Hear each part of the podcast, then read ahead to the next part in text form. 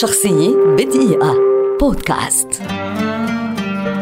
زبيدة ثروت ممثلة مصرية شهيرة من أصول شركسية ولدت في مدينة الإسكندرية عام 1940 وتعد من أبرز وجوه السينما المصرية والعربية وهي معروفة بأنها صاحبة أجمل عيون في السينما المصرية. فازت في مسابقة أجمل مراهقة وهي مسابقة نظمتها مجلة الجيل بفارق خمسة آلاف صوت عن الفتاة التي حصلت على المركز الثاني. ونشرت المجلة صورتها على مساحة كبيرة فلفتت أنظار المخرجين والمنتجين. كان فيلمها السينمائي الأول بعنوان دليلة عام 1956 والذي ظهرت فيه لبضع دقائق مع شادية وعبد الحليم حافظ. ولكن أجمل أفلامها مع عبد الحليم كان بعنوان يوم من عمري. قدمت خلال مسيرتها مجموعة كبيرة من الأفلام مثل إني أتهم نساء في حياتي الملاك الصغير بنت 17 شمس لا تغيب في بيتنا رجل زمان يا حب